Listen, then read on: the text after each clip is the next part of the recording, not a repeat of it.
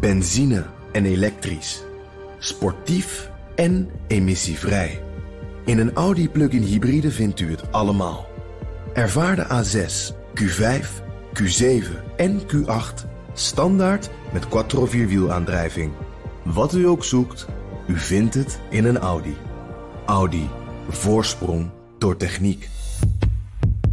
De column van Bernard Hammelburg.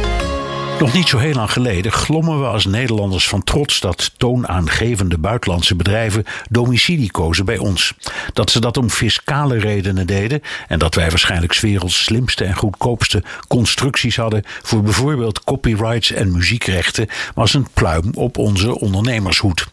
Bijvoorbeeld de Rolling Stones en U2, die bij het verschijnen van de Panama Papers ten stelligste ontkenden dat hun rechtenmaatschappijen om fiscale redenen in Nederland waren gevestigd. En zelfs als dat wel zo was, wat was er dan mis mee? Het mocht toch gewoon? In de nieuwe Pandora Papers zit weer een soort tegenstelling. Of het nou Wopke Hoekstra is met 26.000 euro, of de Keniaanse presidentsfamilie Kenyatta met 25 miljoen, of de Jordaanse koning Abdullah met 80 miljoen. Het is allemaal fiscaal weggesluist en vermoedelijk legaal.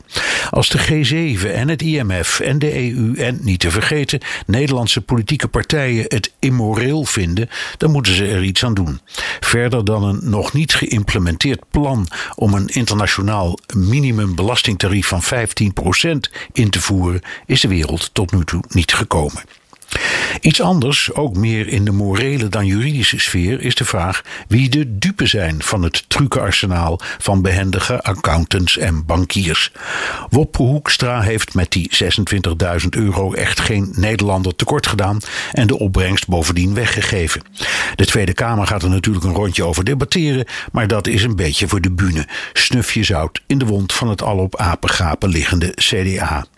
Anders ligt het bij puissant rijke autocratische heersers als Abdullah en Kenyatta.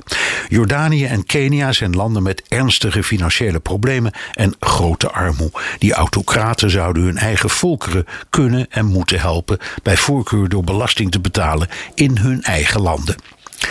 Maar het is echt onzin te denken dat zij hun kolossale vermogens te danken hebben aan loesje fiscale sluiproutes of dubieuze belastingparadijzen.